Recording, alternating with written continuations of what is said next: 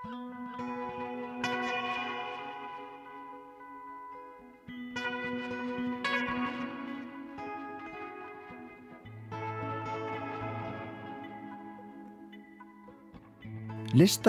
á Siglufyrði, rústnesk tónlist, Sistu megin og síningin okkar.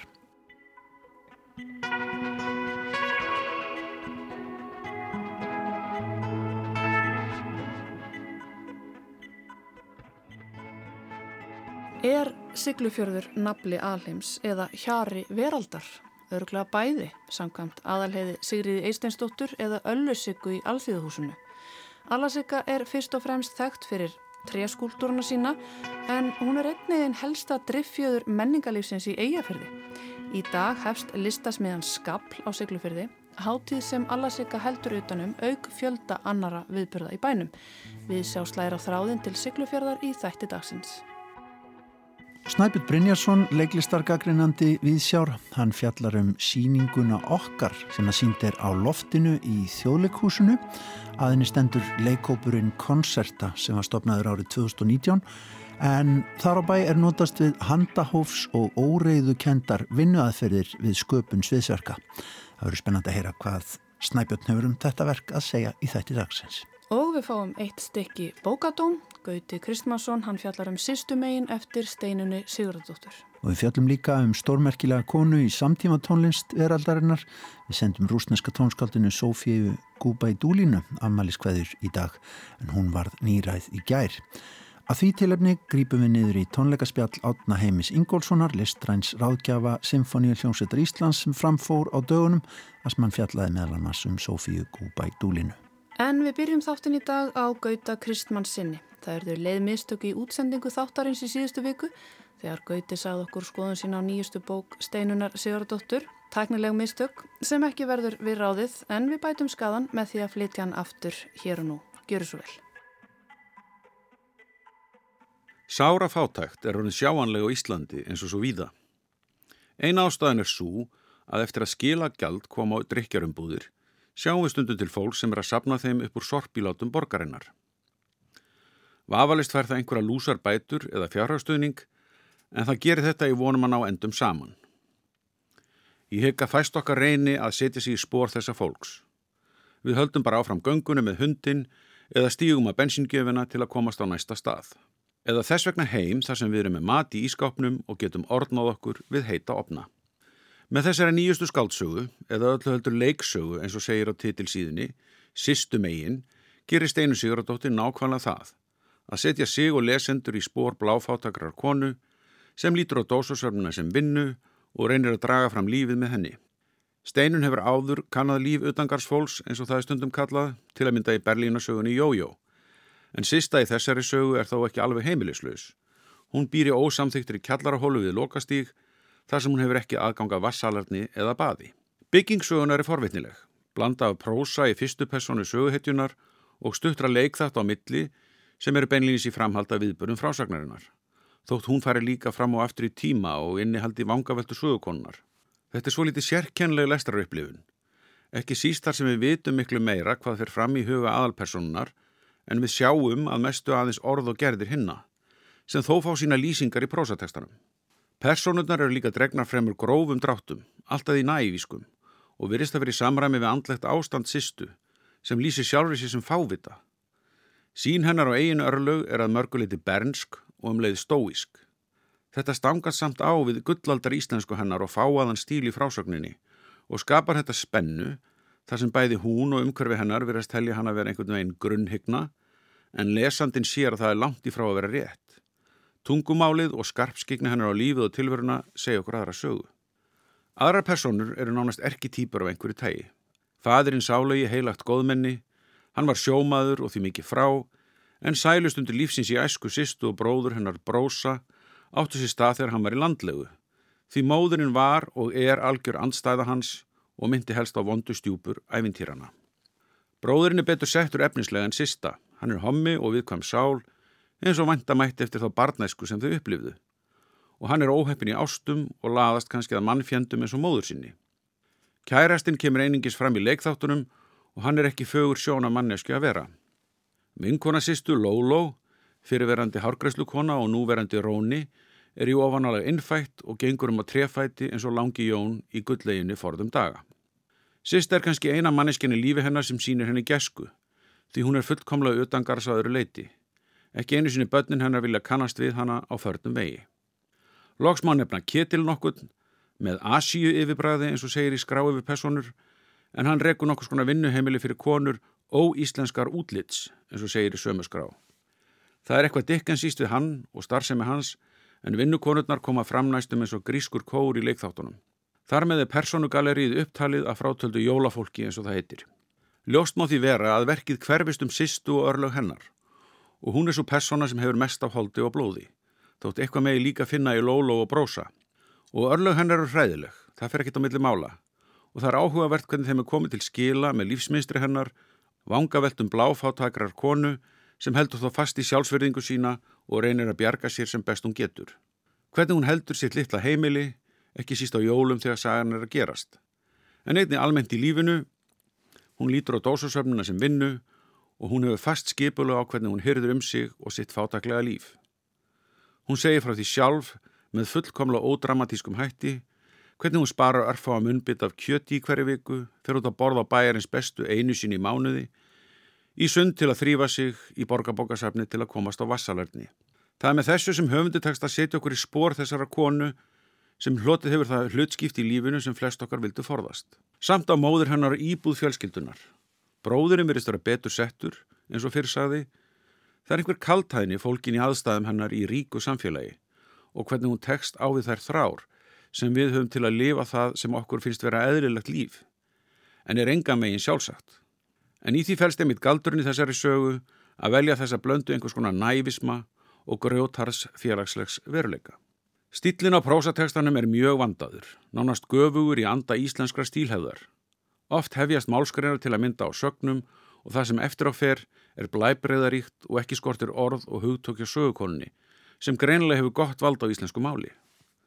Hún fjalla líka oft um hluti sem er til tals á líðandi stund þegar hún er að lýsa eigin lífsbaróttu hvort sem það er um hotlustu matvæla eða hvað sé best við giktinni sem hún hrjáist af.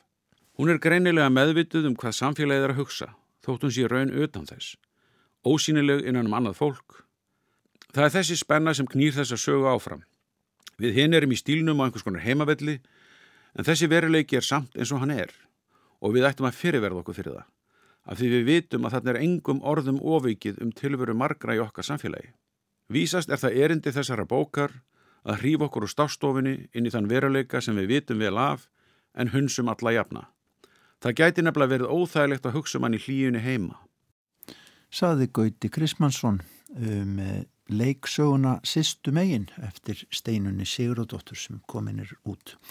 En þá ætlum við hugað stórmerkilegri konu í samtíma tónlist veraldarinnar. Hún heitir Sofía Gúbaidúlína og kemur frá Rúslandi. Hún átti stór ammali í gær.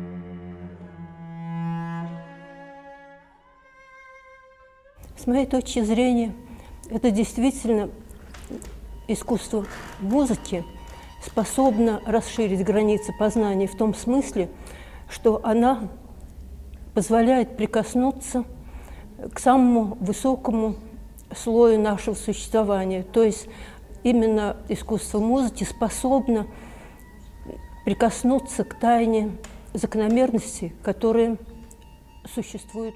Hér heyrum við tónlist og rödd rúsneska tónskáldsins Sofíu Gúba í dúlínu.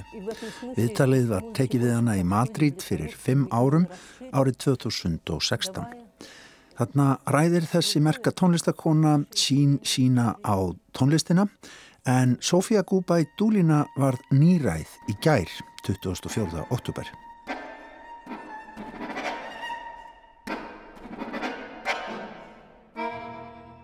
Þarna segir tónskáldið við viðmalanda sinn frá mínum bæðatirum þenur listræn tónlist út allar grensur þekkingar okkar af því hún leifir okkur að nálgast það æðsta í verund okkar.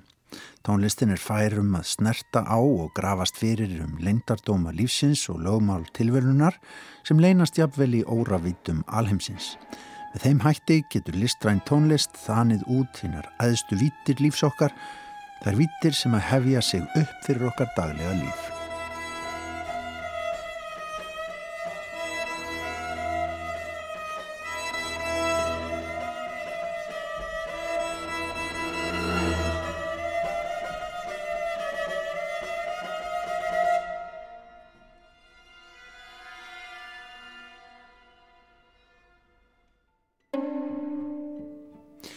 Já, rúsneska tónskáldið Sofía Gúbædúlína varð nýræð í gær, 24. óttúber.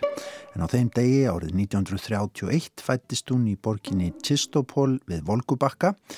Fadir hennar var að ættkvísl Tatara en móðurinn rúsnesk. Pappin var verkfræðingur, móðurinn kennari. Tónlistanámið hófst vitanlega snemma eins og oft er í Rúslandi, Sofía Littla var aðeins fimm ára þegar að það hófst, en fljótlega fóru hugmyndir um það að semja tónlist að taka yfir í vitundennar. Bach, Mozart og Beethoven voru skiljanlega fyrirmyndir en það var það andlega í tónlist þessara tónskálda og fleiri tónskálda sem helst heitlaði stúlkun og ungu. Hvernig skilin, millið þess andlega og trúarlega og tónlistarinnar geta á stundum þurkast út. Þessir heimar hafa runnið síðan saman í tónlist þessa magnaða rúsneska tónskálds.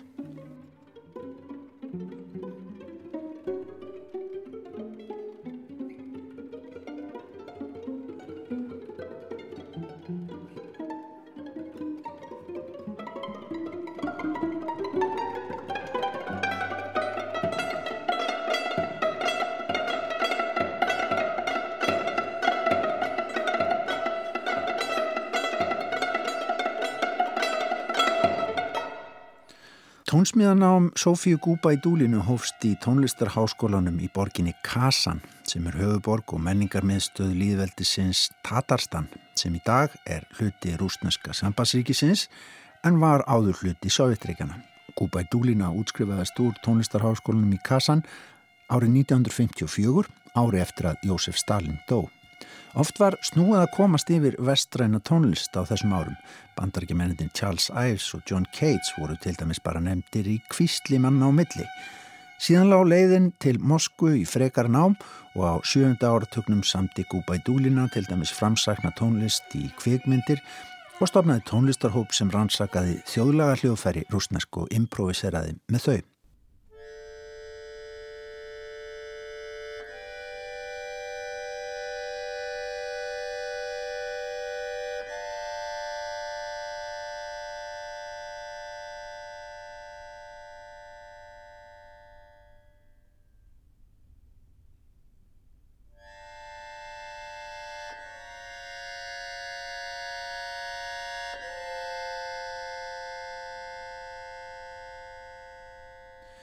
Tónlistin varð Sofíu Gúba í dúlinu leið til að losna undan félagsleiri og pólitískri kúun Sovjetríkjana á sínum tíma.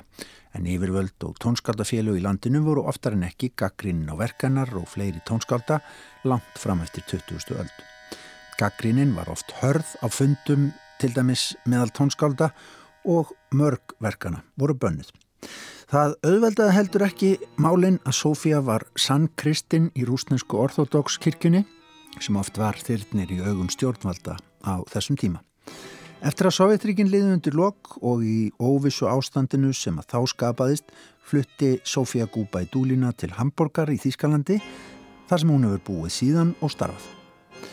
En verk Sofíu Gúbæ Dúlinu eru í dag heimstækt og njóta mikillar hilli. Þau þurfa tíma til að vaksa með manni. Þetta er ekki tónlist sem að neitt hleypur í að kynna sér, eittur og þrýr. Margir af helstu hljóðfæraleikurum undanfarna ára og áratuga hafa hampað verkum Sofíu Gúbædúlinu til dæmis má nefna fylguleikaran Gídón Kremer, sjálfuleikaran Mistislav Rostropovits og norska takkaharmonikuleikaran Geir Draugsvól sem var einmitt hér á landi á dögunum og leka eitt verka Gúbædúlinu á tónleikum Symfóníu hljómsveitar Íslands. Við það tækifæri fjallaði Árni Heimir Ingólfsson, tónlistarfræðingur og listrætt ráðanautur hljómsveitarinnar um gúbædúlinu í tónleikakynningu sem við hér á ráseitt hljóruðum og fluttum að hluta við útsendingu tónleikana. Skulum heyra hvað Árni Heimir hafði þá um tónskaldið að segja. Sofía Gúbædúlina er eitt merkasta núlifandi tónskáld í heimi held ég að geti leikt mér að segja og að minnstakosti eitt merkasta núlifandi tónskáld Rúslands. Hún læriði við tónlistarháskólan í, í Moskvu og það fræg, er fræg saga sem er rakin í efniskráni í kvöld um hennar samskipti við Sjostakovits. Hún stundaði tónsmíðanám við tónlistarháskólan í Moskvu hjá Nikolai Pelko, aðstofarmanni Sjostakovits. Á lokaprófi sínu fekk hún ákúrur frá prófdómurum sem þótti hún hafa snúið af henni réttu brauti í tónlistinni. En hún var vart stíin út úr kjænstustofinni þegar Sjöstakóvits sjálfur vatt sér að henni á ganginum og kvíslaði Haldu þig á vittlusu brautinni.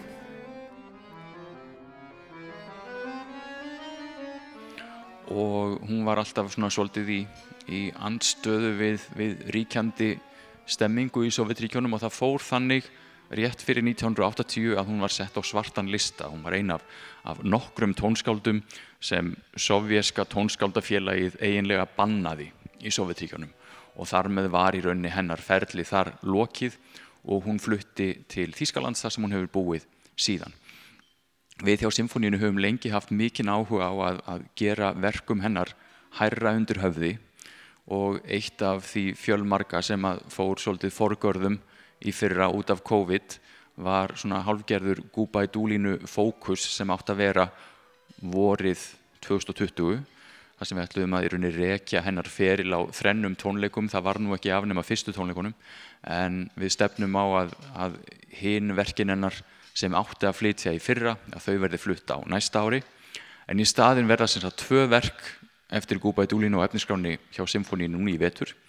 Það má kannski segja um tónlist Gúbæ Dúlinu almennt. Hún er mjög svona uh, trúarlega innstilt, ekki endilega trúarlega heldur andlega fyrst og fremst. Hún er mjög upptekinn af hinnu and, andlega intaki tónlistarinnar, getum við sagt. Og, og maður finnur mjög stert í allri hennar tónlist hvað hún er mikill hugsuður og, og pælari og, og kvílir einhvern veginn mjög vel í því sem hún er að gera.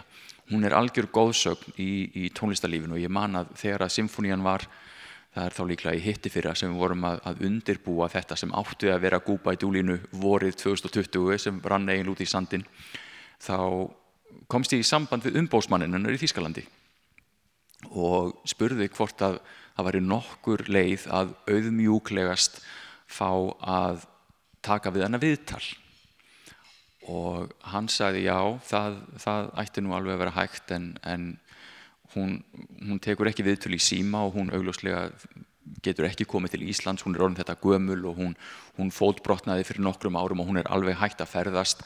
En þú mátt senda mér spurningar á rúsnensku og hún mun svara þér á rúsnensku og þá voru góð ráð dýr en, en það vildi svo vel til að hjá Íslensku óperunni sem er með skrifstofur bara einni hæð fyrir ofan Sinfónihús Íslands þá vann Natalia Drúsin Halldórsdóttir sem er söngkona en er líka hálf rúsnensk og ég leitaði ásjár hjá henni og hún þýtti fyrir mig spurningarnar. Og, og nokkrum mánuðum síðar þá kom tölvupóstur sem var, voru skannaðar tíu handskrifaðar blaðsýður af Sofíu Gubætúlínu með svörum á rúsnensku og aftur fór ég upp á fymtuhæð til Natalíu og fekk hana til að þýða svörin. Og, og þetta er eiginlega alveg ógleimanleg lífsænsla að hafa, hafa lendi í þessu. En, en ég nefni þetta hérna sérstaklega því að ég man hvað henni varð tíðrætt um þetta hinn andlegu vít tónlistarinnar og, og hvað, hvað henni liggur einhvern veginn mikið á hjarta í þessum háfaða sama og rótlausa samtíma sem við búum í að miðla einhverju sem er djúft og kyrlátt og innihaldsríkt. Saði Árni Heimir Ingólfsson í tónleika kynningu sinni um Sofía Gúba í dúlinu á dögunum.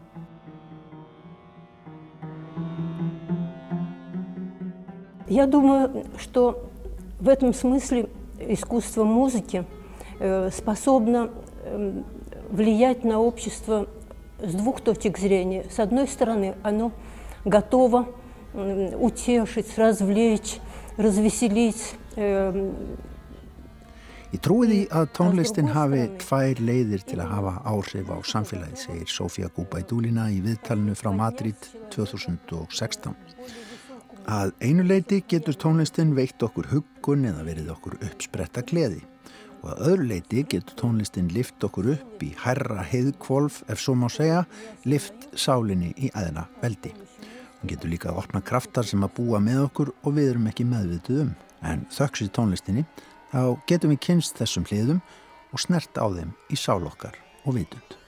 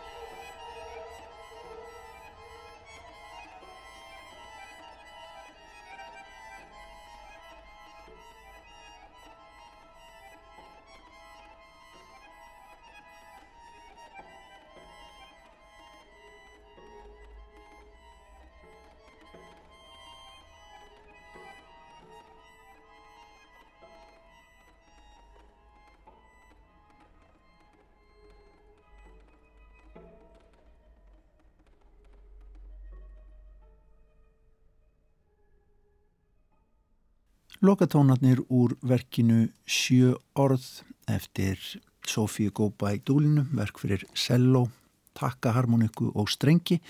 Þarna leku celloleikarin Sján Guren Kvæeras og harmonikuleikarin Geir Dróksvól í verkinu en það var Per Kristján Skalstad sem að stjórnaði flutningi og norsku kammer sveitarinnar. En úr þessu þá ætlum við að fara yfir í leiklistekksættalla. Jú, mikið rétt. Snæbjörn Brynjason, hann kíkti á loftið í þjóðleikursunu. Heyrum hvað honum fannst um síninguna okkar.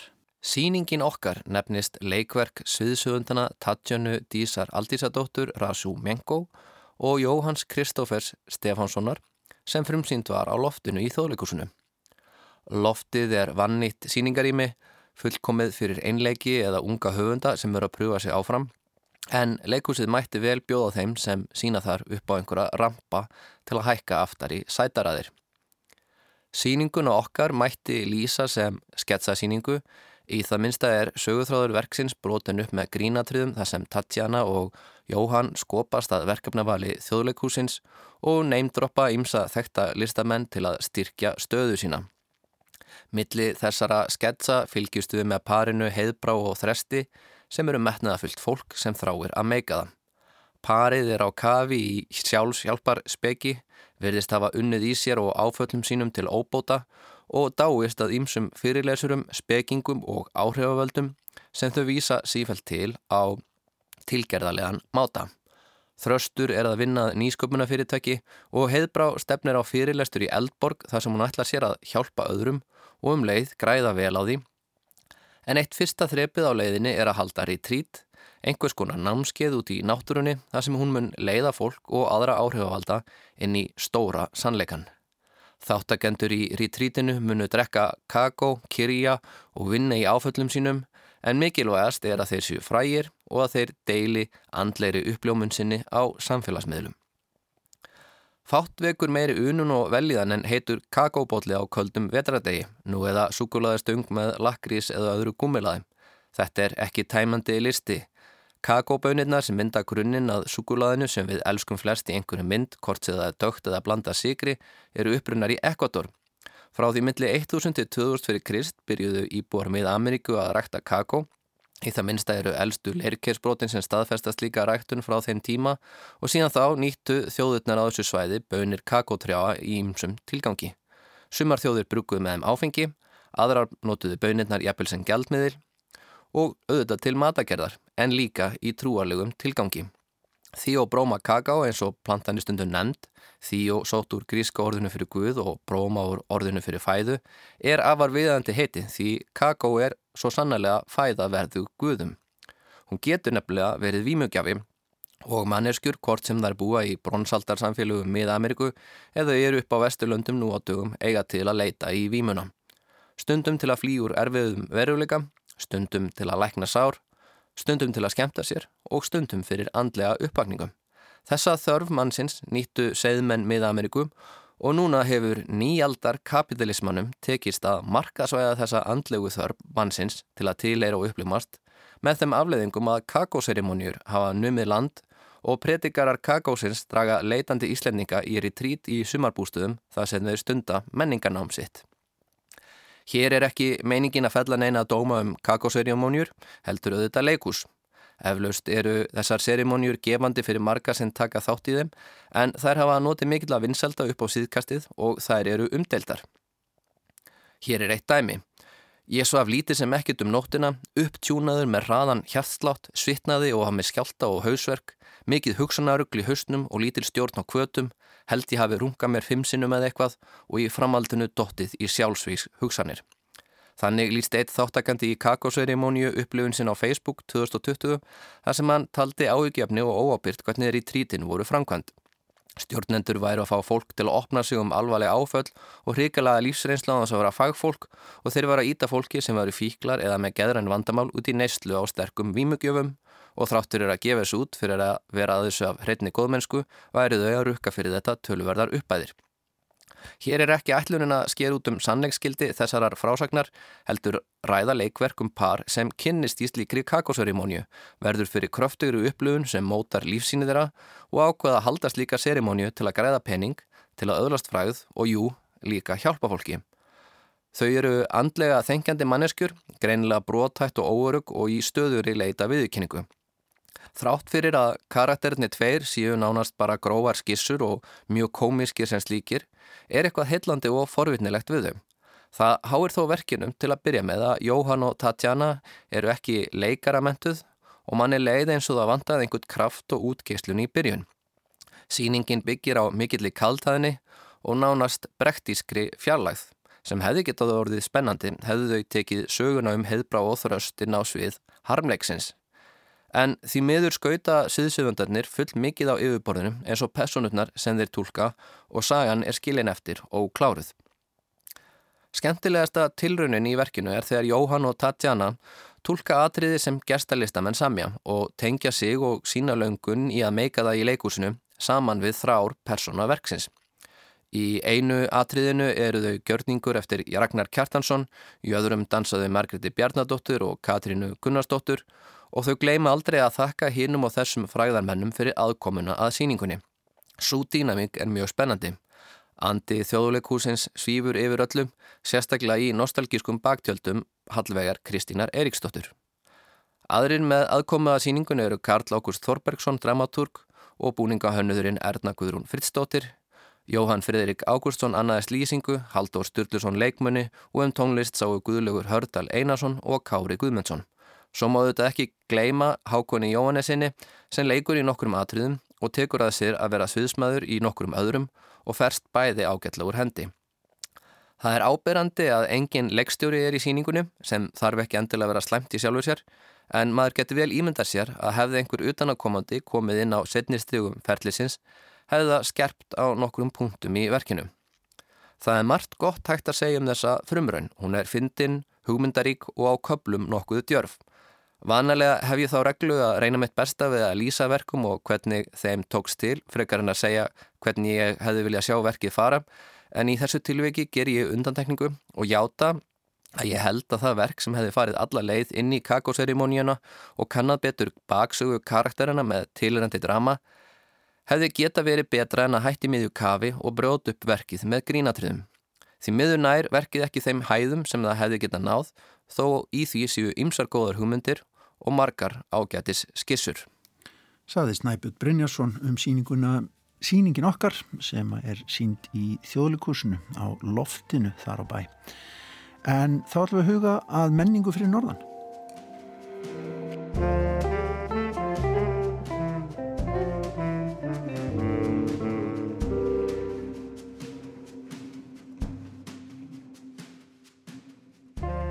Í dag, 20. og 5. oktober, hefst sannkölluð Lista Veisla á Siglufyrði og stendur yfir þar til á sunnudag, næsta, 31. oktober. Þetta er listasmiðjan Skabl, en hún er orðin fastur liður í bæjarlífinu á Sigló.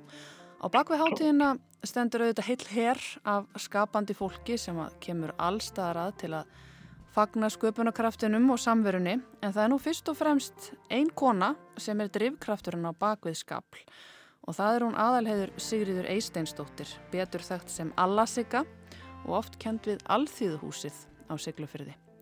Allasigga er eina af þessum manneskjum sem verist hrista heilu viðburuna fram úr erminni auk þess að gera upp hús fyrst og fremst gömul félagsemili, halda samkomur fyrir ólíka hópa úr öllum áttum, listasmiður fyrir börn og ég veit ekki hvað og hvað Og svo eru nöðuta listakonna, laungu landstækt fyrir sína stór skemmtilegu tre skúltúra. Alla sigar á líninu, kontur sæl og blessuð og góðan daginn. Já, góðan dag. Hvernig líst þér á þessa kynningu? Hún var svolítið laung, var þetta ekki í lagi?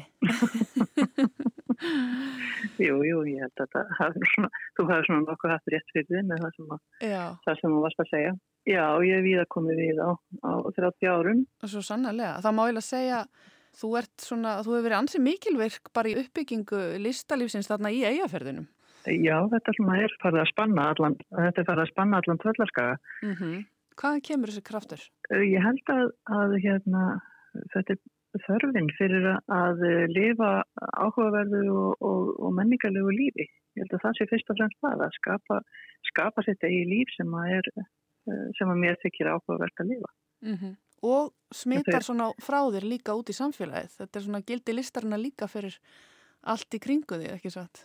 Jú, það er náttúrulega hérna þegar að, þegar að, að ég hef aðstöðu til þess að, að miðla listum og menningu annara listamanna.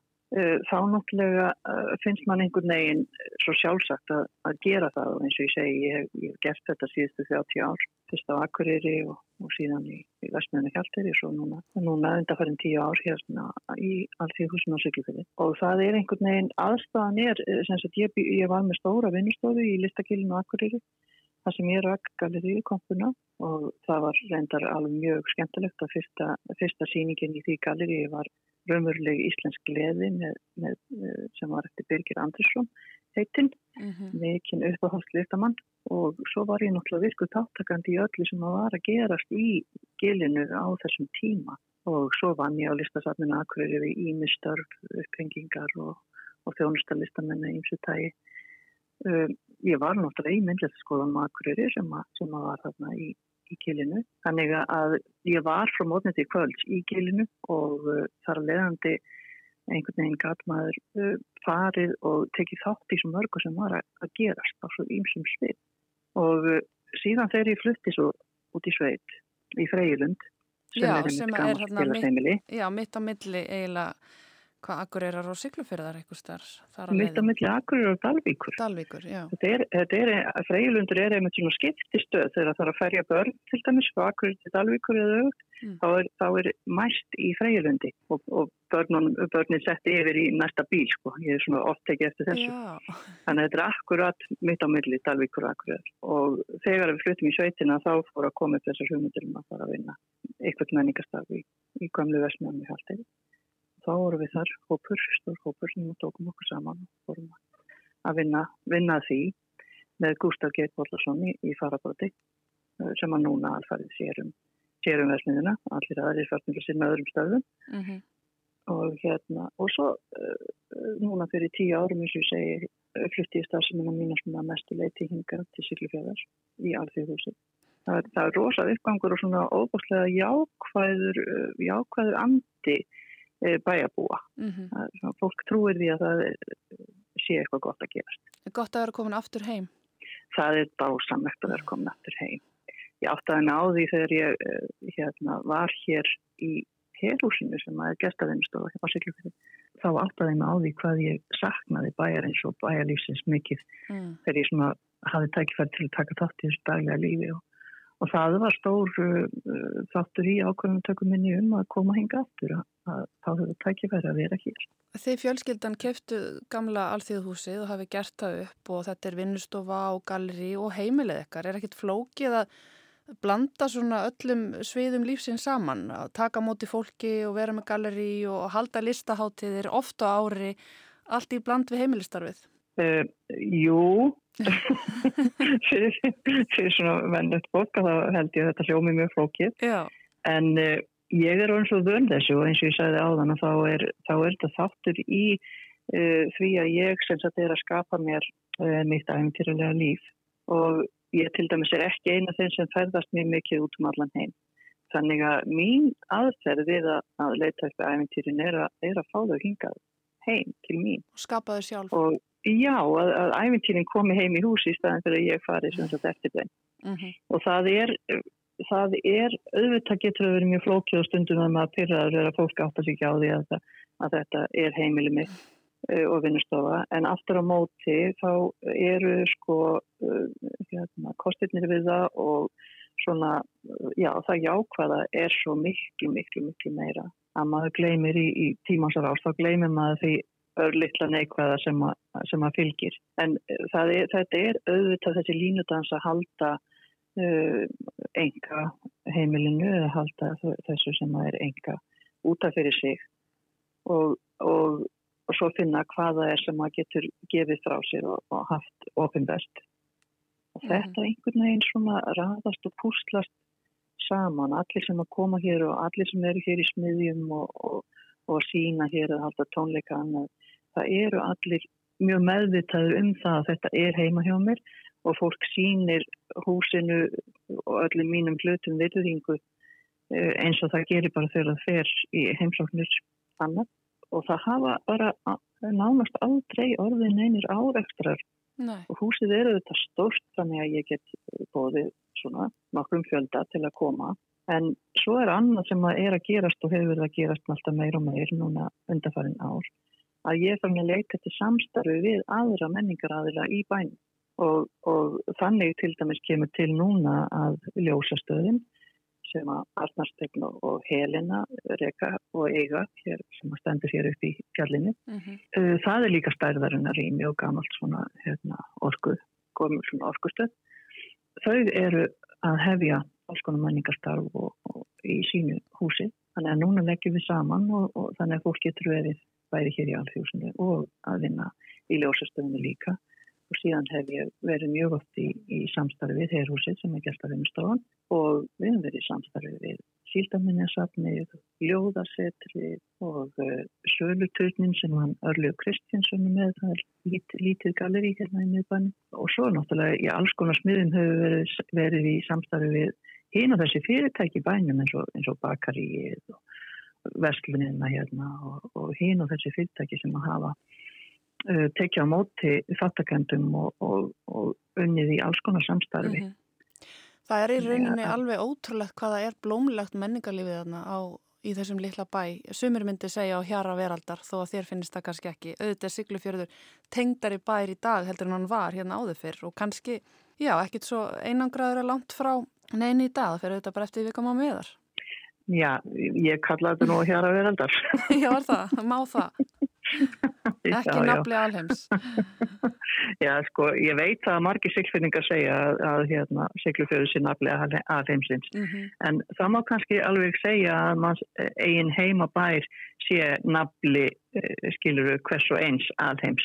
Þeir sem vilja, mm -hmm. þeir sem vilja hafa sin heimabær að sínum nafla, þá er það það. En auðvitað er siglufjörður og hér að vera alltaf hér lengst út í, út í norðurinu og á veturnar erum við mjög oft veðutætt hérna alltaf 40 daga sem við komumst hvorki löndin í strönd uh mhm. -huh. það erum bara lokuð hér inni út af snjóflóðahætti og, og, og brjálunum öðrum sko í báðar áttir þannig að það er, það er auðvitað og getur verið ansi eh, hérna hafð bílt hérna en á sumrinu auðvitað eru við hérna og svona þegar allir vegir eru færir að þá eru við auðvitað hérna vel tengt og komin svona í einhvers konar hring uh, akstur uh mhm. -huh. Já Segðu mér alla frá þessum viðbyrju sem hefst í dag, skapl. Segðu mér hérna, Já. ég veit að það er fjöldi listamanna sem streymir tiðin í dag og þú ert upptekinn við að þrýfa og púsa og skipulegja og opna hitt og þetta og örgla elda mat og ég veit ekki hvað þú ert ekki að gera. Segðu mér aðeins frá, frá þessum, þessum viðbyrjum sem er að fara í gang. Já, það er sko, skaplin er eina fremur uh, listaháttíðin sem ég spennt fyrir ári. Fyrst er það, er það leysingar sem að fara fram um páskana. Uh, síðan er það frjó sem að, fer fram um mitt sömur eða meða júli og svo skablinn á haustin.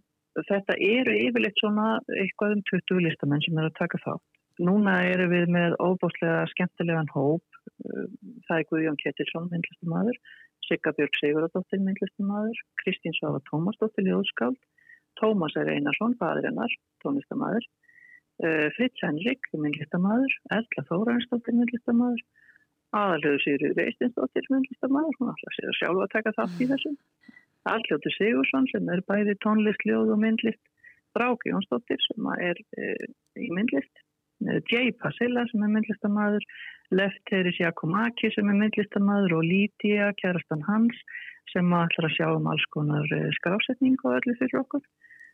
Rodrigo López er tónlistamæður uh, Örlu Kristinsson myndlistamæður Jón Proppi listfræðingur Heklabjörst Helgadóttir sem er myndlist ljóðskáld og tónlist og Arnarsteit Friðbjörnsson sem er eh, í eh, myndlist og kvikmyndagerð og svo hljómsettin ATHD. Þetta er ansið fríður flokkur á fjölbreyttu. Þetta er ansið fríður flokkur Já. og þau eru öll að streyma hinga norður í dag og ég vona því að það verður allir komið um kveldmáttaleiti og, og þá er, verður borin fram súpa í stóra grílupottinum og, hérna, og fólk hef, hefur samtalið og, og, og svona flestir þekkjast nú eitthvað aðeins svona innbyrðis en, en samt ekki allir mm -hmm. og svona uh, ég reyni alltaf að virkja listamenn sem eru hér á svæðinu til þess að taka þátt þegar ég er með smá smiður í blandið við svo aðra einhver staðar annar staðar frá og þessi smiði að fjallar fyrst og fremst um samtalið að gefa listamennum tækifæri þverfaglegt á listir til að koma og vinna og spjalla saman í eina viku og það er svona, það er, það er engin ekkert skipulag á vinnunni að því leit, að öðru leit en því að uh, sagt, uh, gefa og skapa hann grundvöld fyrir samræðinni. Mm -hmm. Það er, enga, það er engin skilir við að fólk sé að búa til uh, raunveruleg verk eða, eða eitt eða neitt þannig. Heldur er sko samtalið lang mikilvægast að geta komið og allir þessi hópur og seti hér í morgum eða bóðið og og rættum alls konar málefni, hvort sem það í listir eða, listir eða annar. Því það er, svo, svo dýrmætt og það er svo mikið sem kemur út úr því þegar að, að grundvöldlunin er, er komin fyrir samræði. Mm -hmm. En síðan hefur nú þetta verið þegar að skaflinn hefur verið tvíveis áður. Mm. Þá hefur nú stemmingin verið þannig að, að fólk hefur ekki getað beðið eftir að fara að byrja að búa það til. Þannig að hérna, ég án svo smálu vona því að það verði þannig áfram. En það er ekki skiliði fyrir smiðinni. Akkurat. En síðan er núna, uh, sko, uh, núna er nýbreytni á skaflinum uh, sem er skipulagt hérna, viðbörðahald. Það kemur eiginlega bæði til út af hérna, ástandinu í samfélaginu að það þurfti að fresta fresta ímsu til dæmis í ágúst sem, hérna, sem að var á dagská uh -huh. uh, og uh, þá nota ég tækfélag og setja núna þannig að, að það verða eru fjórir auðlistir viðbúrið á, á þessari dagskrá. Fyrstulegi á miðugutas setni fast á miðugutas klukkan 5 þá allar er mitt til eftir Jakob Akis að fjalla um uh, myndasögur, svona graphic novels Uh, hann er, uh, hefur kynnt sér það mjög vel og, og nýtir sér það einmitt það form í sinni myndlist. Og síðan á, á förstutaskvöldu klukkan 8 að þá ætlar hljónsvitin ATHD nýlendir úr Evróputúr að, uh, spila hérna tónleika.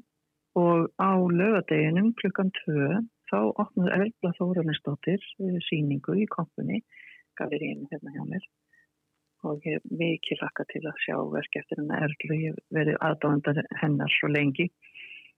Þetta er ótrúlega spennandi alla sigga í allþýðuhúsinu á Siglufyrði. Gaman að tala við og heyra af þessu. Við bara hvetjum fólk sem hefur áhuga á að koma þarna á Norðurlandi eða fólk sem vil bara bruna úr hvaða átt sem er til ykkar og taka þátt í þessu og fylgjast með. Það eru auðvitað bara að fara inn á Facebook og sjá alla viðbyrði, tímasetningar og svo Já. framvegs. Alþjóðhúsið er með Facebookasíðu og svo bara á mínu, mínu persónlega Facebookar og þar setjum við inn allt sem að, svona allar upplýsingar um það sem er að gerast. Alla, takk innlega fyrir spjallið og ég segi bara gangið vel að halda utan þetta allt saman og, og hérna bara að búið til súpuna núna í dag og Já, allt sem þetta gera. Takk að það fyrir. En það er náttúrulega eins og alltaf þegar eitthvað gott er að gerast og þá, þá er fjöldi mann sem kemur stekkur til og hjálpar til í alls konar störfum að. Þannig að ég er ekki einastand í þessu. Nei. Herðu, takk fyrir og gangi ykkur vel og til hamingi með allt saman. Kæra takkir. Og þannig ætlum við að enda þáttinn í dag og þessu spjalli við hana aðalheiði Sigriði Eisteinsdóttur. Einmitt og gestir hennar oft þarna fyrir norðan eru herramennir í ADHD og þeir slá botnin í þáttaksins. Þetta er lagið London út af ADHD, plötu nummer fjögur, stórkoslegt lag sláma botninni við sjá með því í dag verið sæl. Takk fyrir okkur og verið sæl.